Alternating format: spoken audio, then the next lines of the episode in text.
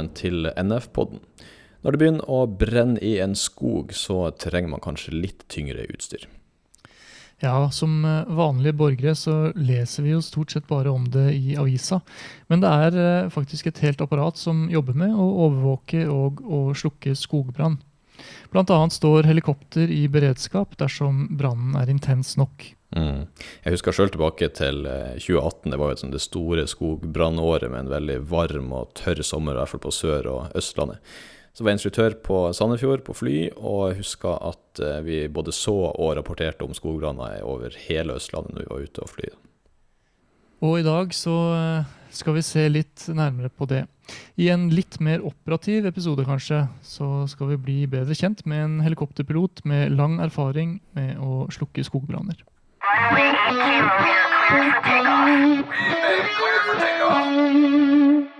da har vi med oss eh, Jon Arne Hellesø, helikopterpilot i Helitrans og 16 års erfaring med slokking. Velkommen.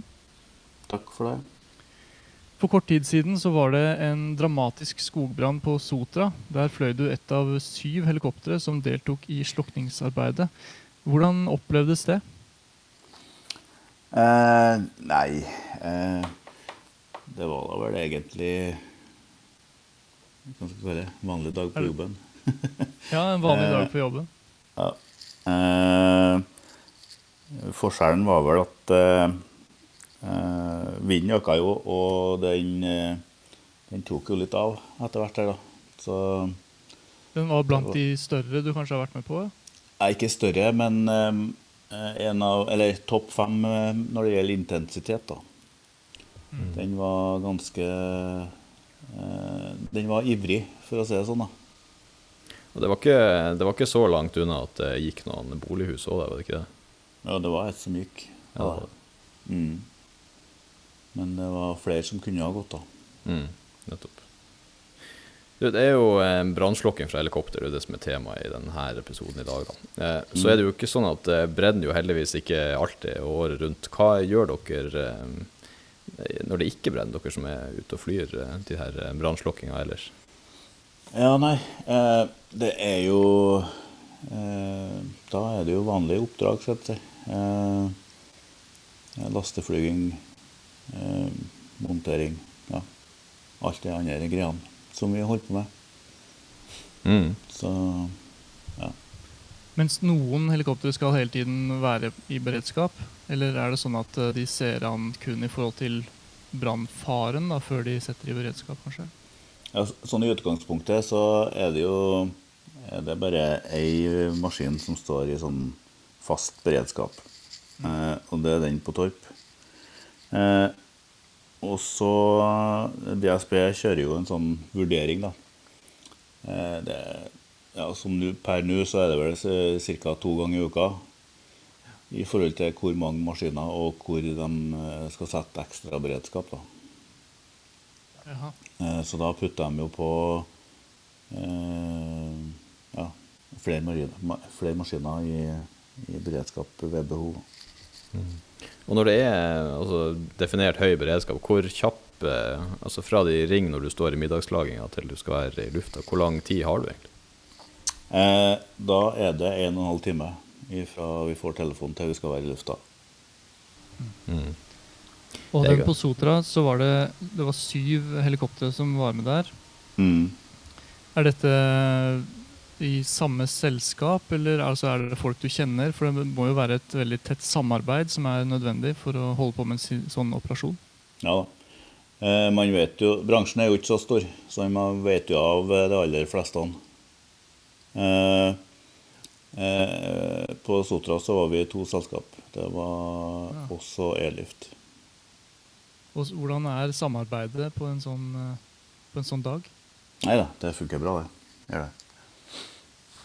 Sånn, eh, sånn slukningsmessig, altså hva, eh, hva, betyr det for slukningsarbeidet at dere er tilgjengelig med helikopter? Hadde det gått uten dere, for å si det sånn? På Sotra så tror jeg det hadde gått ganske mye vær hvis ikke vi hadde vært der. Vært der ja. Da tror jeg det hadde gått flere mange flere hus. Mm. Mm. Og så flyr dere rundt med den her eh, bøtta, som dere kaller det, har jeg skjønt, som henger under buken. En, eh, hva skal man si, en svær eh, skål, nesten, eller en svær eh, pose med, med vann. da. Ja. Eh, hvor mye vann kan dere egentlig slippe i løpet av en times tid, hvis dere er effektive? Eh, Ja, nei Altså, det kommer an på avstand til vann. Det er jo det som er alfa og omega, skal jeg si. Eh, eh, rundetida sånn eh, i snitt opp igjennom, den har ligget på Ja, nå er det jo flere forskjellige maskintyper her, da, men eh, snittet er på en tre-fire minutter. da. Eh, da er det med 214 nå i tillegg. Eh, Men eh, sånn med eh, 125 eller 350 nå, så Eller på, på Sotra, så var det vel eh, mellom eh, Ja To minutter ish. Sånn tipper jeg. Mm. For det var det såpass såpass. nærme. Eh, så da kan en jo bare gange opp, da. Med mellom 1000 og 1300 liter hvert eh, Ja, si hvert andre minutt, da. 30 ganger det, da. Det blir jo en bra, Mm. en bra splash. Da du får på litt vann i løpet av en time. ja. Og når du skal eh, såpass såpass fort og raskt som, dette, som jobben må gjøres, og du skal fly ganske nære flammene og ganske nære vannet hver, hver gang for å fylle på nytt også. Jeg blir nysgjerrig på hvor nære vannoverflaten må du være for å få fylt bøtta? Eh, det kommer an på om du har den i longline eller ikke. Hvis du okay. ikke har den i longline, så er den festa rett i buken. Da er jo eh, lengda på vaierne på bøtta som avgjør hvor langt ned du må. Eh, har du for lange vaiere, så bør man jo ikke fly, fly bøtta rett i buken, for da eh, kan den ta bort i Eller komme opp i halen. Mm. Og det vil vi jo ikke. Så eh, om bøtta har for lange varer, så blir det stort sett flydd i longline. da. Eh, alle bøttene til våre 350 de er, de er, ikke, de er ikke så lange at de går baki. Så de er tilpassa maskiner. Eh, det vil jo si at eh, bøtta er jo ikke så forferdelig langt under. Så det er jo Nei, snakk om, eh, det er jo snakk om meter. Mm. Ja. Nei, for dette høres ut som Dette her krever jo virkelig høy presisjon å skulle holde på med et sånt arbeid.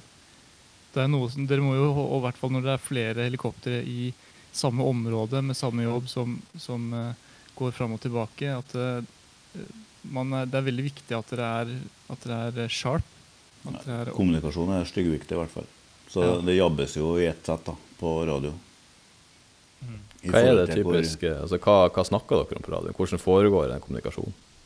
Nei, det er jo eh, å informere hverandre hvor vi er hen. ja. Og øh, ja, hva man gjør, da, skal jeg si. Ja, altså passe på at dere ikke flyr i hverandre også, da. Og det er Mm. noe, har dere noen rutiner på det? At det er det noe standardisert at man gjør det i et slags mønster, litt sånn som at eh, biltrafikken holder til høyre? ja. For det er jo Altså, avhengig av hvor, hvordan utvikler flammene seg også, sikkert. Ja, ja. Så det der forandrer jo seg hele tida. Men eh, eh, da, da blir det jo så vi kjører et eh, eh, Kall det racetrack, da. Ja. Mm. Med høyre- eller venstresvinger. Sant? Så at eh, du føler på føler samme, eh, samme stien da, hver gang. ja. Og på en sånn her uh, racetrack, da, hvis det tar to minutter, så har du jo i grunnen Du har jo egentlig uh, kanskje to approacher. Du har én approach ned til vannet og én ned til flammene. Og kanskje da 60 approacher, hvis vi kan kalle det det, da, i løpet av en time. Eh, dere må jo bli ganske rimelig utslitt etter en, en periode der. Nei da, det går fint. Eh, Vi er vant til det der, vet du, med lasteflyging og sånn. Og så eh, Det er jo ikke uvanlig å ha bøttevis med sånne ting. Sånn, nei. Eh, Når du har litt erfaring, så er ikke det noe stress. Mm. Sånn Det er kanskje litt uh, dårligere luft inn i cockpit da, hvis det er røykfylt i en, i en brannsituasjon. Jo, men da må du ha opp rutene så du får lufta ut litt. Det er ikke verre enn det, nei. Nei, det er ikke det. En uh, varme, da. Uh, ja, man kjenner jo strålingsvarmen, men eh, må man bare ta, ta seg til T-skjorta, da. Ja, sant. Uh, altså, det, det er jo såpass kort eksponeringstid og at uh, eh, det tar mellom fire og seks sekunder å tømme den bøtta. Ja. Så det er liksom ikke Det står ikke i et kvarter, da. Mm. Så eh, Nei, ekspon eksponeringstida er kort. Så det går egentlig greit, det også. Men eh, hvordan, eh, ja, Kan du fortelle litt om prosessen fra brannvesenet finner ut at eh, de ønsker deres hjelp, til dere er på plass? Ja. Hvordan dette skjer? Eh, da er det jo sånn at eh, det lokale brannvesenet eh, tar kontakt med sin eh, 110-sentral. Og så er det jo diverse Det er jo skjemavelde som ruller. Ja, ja. Så da er det jo litt utfylling av ting og tang der. Eh, og så går det en rekvisisjon til eh, HRS. Eh, parallelt med det så blir, er det noe som heter lederstøtte. Det er jo brannbefal som har eh, eh, litt over snittet interesse og, og kunnskap om eh, skogbrannslukking. Som sitter eh, litt sånn forskjellige plasser rundt om i landet. Eh, hvor innsatsleder på brannen da, må, de må snakke med lederstøtta for i hele tatt å få helikopter. da. Eh, og da, De må gå gjennom en sånn liten sjekkliste i forhold til hva som er gjort og hva planen er framover. Eh, og så blir jo vi skremla.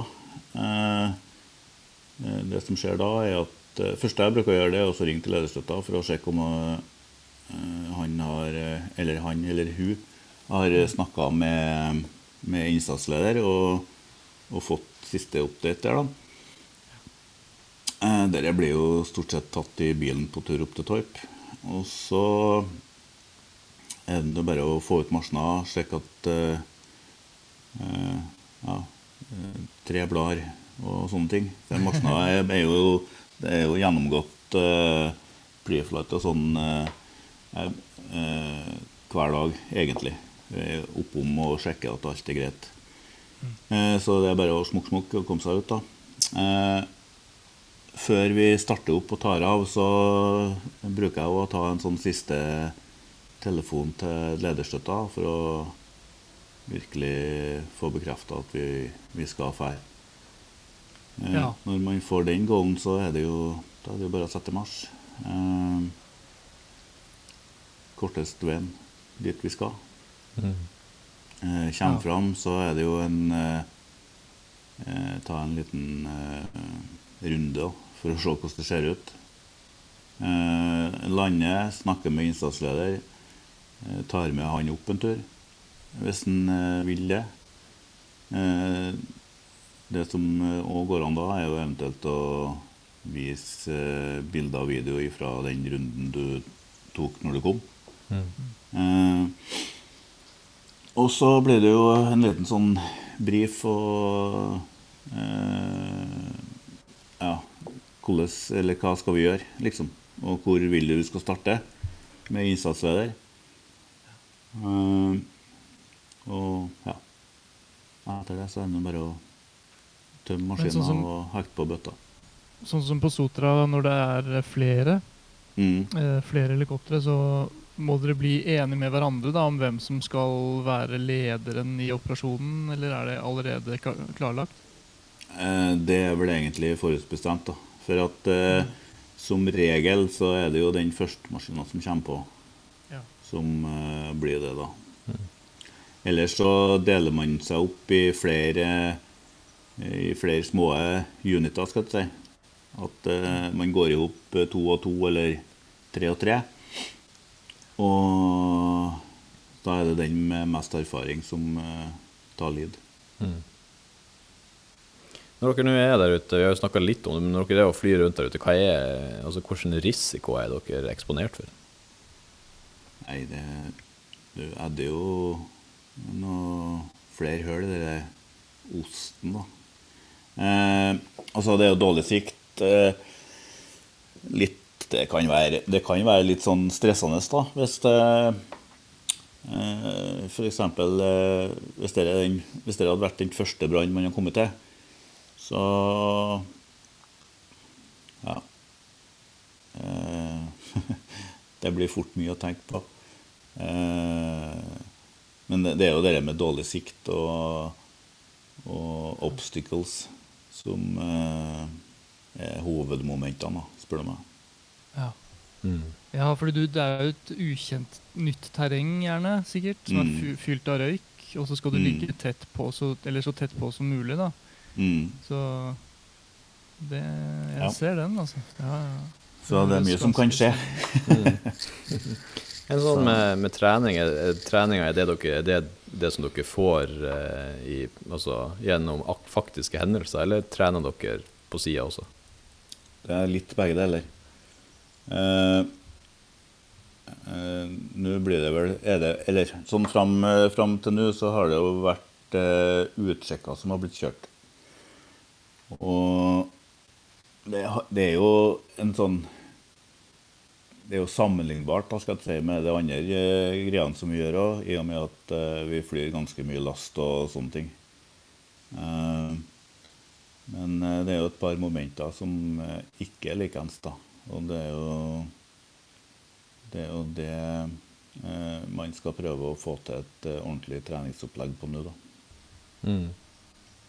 Ja, fordi altså, nu, sånn som jeg har skjønt det, så er det noe det, altså, det er simulatorer på vei inn for å, for å kunne trene litt mer realistisk på det her. Eh, Stemmer det? Mm. Mm. Hvordan skal de legges opp? Hvordan skal de fungere? Eh, ja eh, Altså, det er jo VR det er snakk om der. Så eh, eh, Så vidt jeg har eh, fått med meg og fått info om, så er det ganske Ganske virkelighetstro, da, skal jeg si. Eh, for det har jo vært det som har vært problemet med de andre simulatorene, at det er jo en prosedyretrener, og ikke, ikke noe mer enn det. Eh, og fly last, f.eks., på, på sånne simulatorer går ikke. Men eh, på denne her så skal det gå an. Ja, for dere er jo avhengig av eh, altså, Når man er vant med å fly de her eh, Boeing-simulatorene, og sånn, så er det jo ikke det Ja. visuelle er jo liksom ikke like viktig. Men dere flyr jo rundt og må se ned og bak og opp og fram og overalt. Det er jo VFR vi flyr. Ja, ikke sant? Så det må jo stille ganske høye krav til sånn det visuelle. Ja. Og grafikken skal jo være eh, rimelig grei, da, for å si det sånn. Mm. Det, det må den jo være, hvis ikke så funker det ikke. Så Nei, det blir utrolig spennende. Blir det. Mm. Det er fascinerende å høre at eh, VR begynner å bli såpass bra at eh, man i det hele tatt vurderer at det kan brukes da, i en sånn, Mm. når det er såpass viktig med det visuelle. Mm. Ja, Men, det blir, eh, det blir kjempegøy. Mm. Jeg tenkte på en annen ting med beredskapen for skogsbrann i Mm. resten av landet. Fordi Mm. du snakka om at det er én maskin. Men uh, hva gjør man hvis det blir skogbra- skogbrannfare helt uh, lengst nord, f.eks.? Ja. Nei, altså uh, Det er jo to alternativer, egentlig. Enten så må jo den nærmeste maskinen fære, eller så blir det satt beredskap ja, på en av de basene vi har tilgjengelig oppe her. da. Mm. For det er jo egentlig det det går i. Ja. At eh, man setter beredskap på de basene man har. Så, så noen må, må gjøre en vurdering hvor Mm. beredskapen skal være, da, ut ifra de farene de ser. Er det sånn Ja. å forstå? Ja. Det er jo en sånn skogbrannindeks som man følger da, i forhold til hvor stor brannfaren er. Akkurat. Så, så da Men betyr det, det at det, betyr det at du må fraktes rundt om i landet da, for å sitte på beredskap et annet sted? Det har òg skjedd.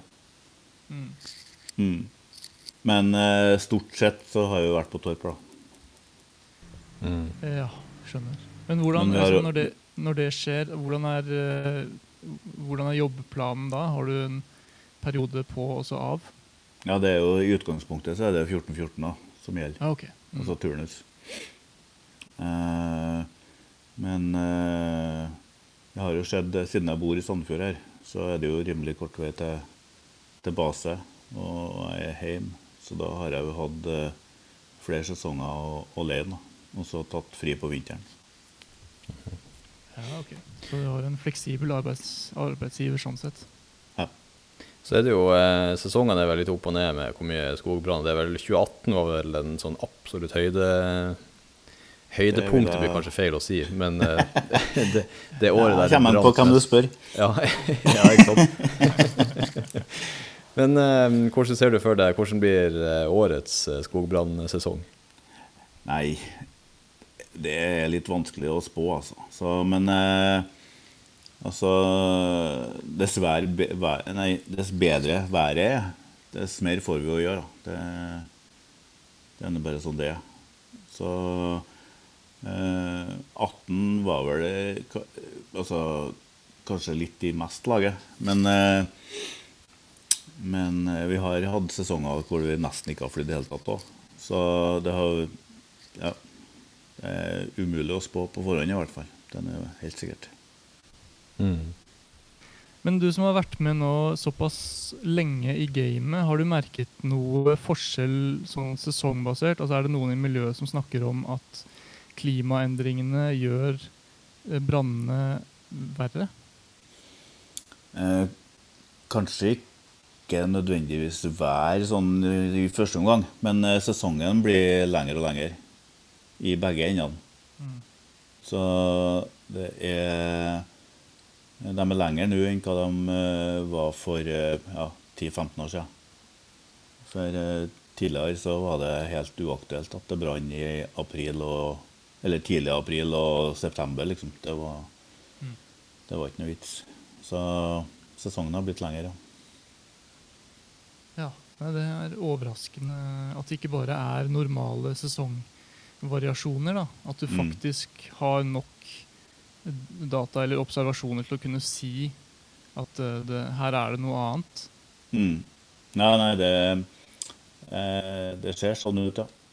Og så det som være greia, hvis du får- de rette forholdene, da, i forhold til temperatur og vind og sånne ting, Mm. så ligger jo alt til rette for uh, uh, Ja, det er et sånn nytt uttrykk som har kommet i, i de senere årene. Det er sånn megafire. Eh, så ja. Og det kommer hit etter hvert, det òg. Alt tyder på at, at det skjer. Hva er det her, eh, hva er megafire for noe? Uh, nei, det Det er vel Kort fortalt så er vel det en brann som utvikler såpass mye uh, varme og sånne ting at uh, det er nesten umulig å stoppe. De lager sitt eget værsystem og Ja, i hele tatt. Det er Så sånn du trenger ikke, trenger ikke så veldig Eller trenger ikke sånn kjempediger brann for at det lager, lager vær sjøl, men eh, det er Da er det både lyn og torden og full pakke, liksom. Og det kan brenne i dager og uker. Ja, ja. ja. Så De har jo hatt det i Sverige Mm. to ganger. Er det det vi leser om når vi, når vi hører at det brenner i California og i Var det i Amazonas også for et par år siden? Mm. Det er over hele verden som, eh, som det der har skjedd. da. Så eh, det er bare et spørsmål om tid før det kommer hit. da. Når man kommer inn der da, som eh, helikopterpilot og skal prøve å slukke, det, er det mest bare mm, skadebegrensende, eller klarer man å få slukka det? Nei, da blir det begrensning. Mm. For strålingsvarmen er såpass varm, så, såpass eh, kraftig og sånn, at eh, eh, alt av eh, vegetasjon og sånn blir jo varma opp ordentlig før, før flammene kommer, da, skal jeg si. Og eh, da er det jo sånn at det skal jo ikke noe til før det tar fyr. Og når du får litt Når den ordner sitt eget vindsystem i forhold til, i forhold til påfyll og sånn, så er det jo rimelig ute og sykler. For Mm. å si det sånn. Det hadde vært, hvis jeg hadde kommet inn her med et lite helikopter, og det var brann og lyn og torden, og det tror jeg det er snudd på flekken. Sant? Så ja, nei det Sånn som i Sverige i, i 14, så flammene var jo en sånn 40-50 meter høy. Ja. Altså, og når trærne er 30, da, så og du får eh, 40-50 flam meter flammer over det igjen. Så ja, da er det jo hårete. Mm. Ja, det kan noen ganger så kan du se, på, i hvert fall på bildene fra, fra nyhetene og sånn, at det ser utrolig lite ut med den lille bøtta som, i, som er under helikopteret, i sammenligning med, med de store områdene. Mm. Ja, nei, altså Innimellom så lurer man jo på hvor man skal starte han. Ja. Når det blir stort nok. Så, men eh, det er jo bare å jobbe systematisk, det. Så går det greit likevel. da. Ja, men det høres i hvert fall ut som eh, at du ikke får eh, mindre å gjøre framover, gitt at disse klimaendringene og sesongene fortsetter i den retningen. Nei, det ser ikke sånn ut, da. At det blir Har du forhåpninger for årets sesong? Nei, At det blir sånn passe greit. Ja. Eh, altså, det er jo Det er jo sånn med beredskap da, vet du, at eh, man håper jo litt sånn innerst inn at det er noe som skal skje, men ikke at det skal skje for mye. Altså at det blir, skaffa og bli, bli for alvorlig og sånne ting, da. Ja. Men at det er sånn akkurat passe som skjer. Eh, det er vel egentlig Ja. Sånn er det nå bare. Mm. Ja, for å holde seg, holde seg ved, ved like og få litt treninga er vel eh, nyttig å ha litt å gjøre. Ja.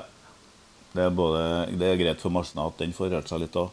Så slipper å stå i hangaren og stå, seg, stå på seg snegg. Ikke for det, da. Det er sjelden, sjelden det er noe galt med, med de maskinene. Men eh, ja. At de får kjørt rundt litt olje, det er bestandig bra. Mm. Runway 80 here, cleared for takeoff. Green cleared for takeoff. Ja, Veldig overraskende å høre om hvor mye lengre skogbrannsesongen har blitt på bare såpass få år, og hvordan den har utviklet seg i takt med klimaendringene. Mm. Så anbefalte også Jon Arne en eh, serie på NRK nett-TV som heter Branninferno, for dem som eh, vil lære litt mer om hvordan man slukker skogbrann. Den skal for deg sjekke ut. Ellers var det alt for denne gang, så høres vi snart igjen.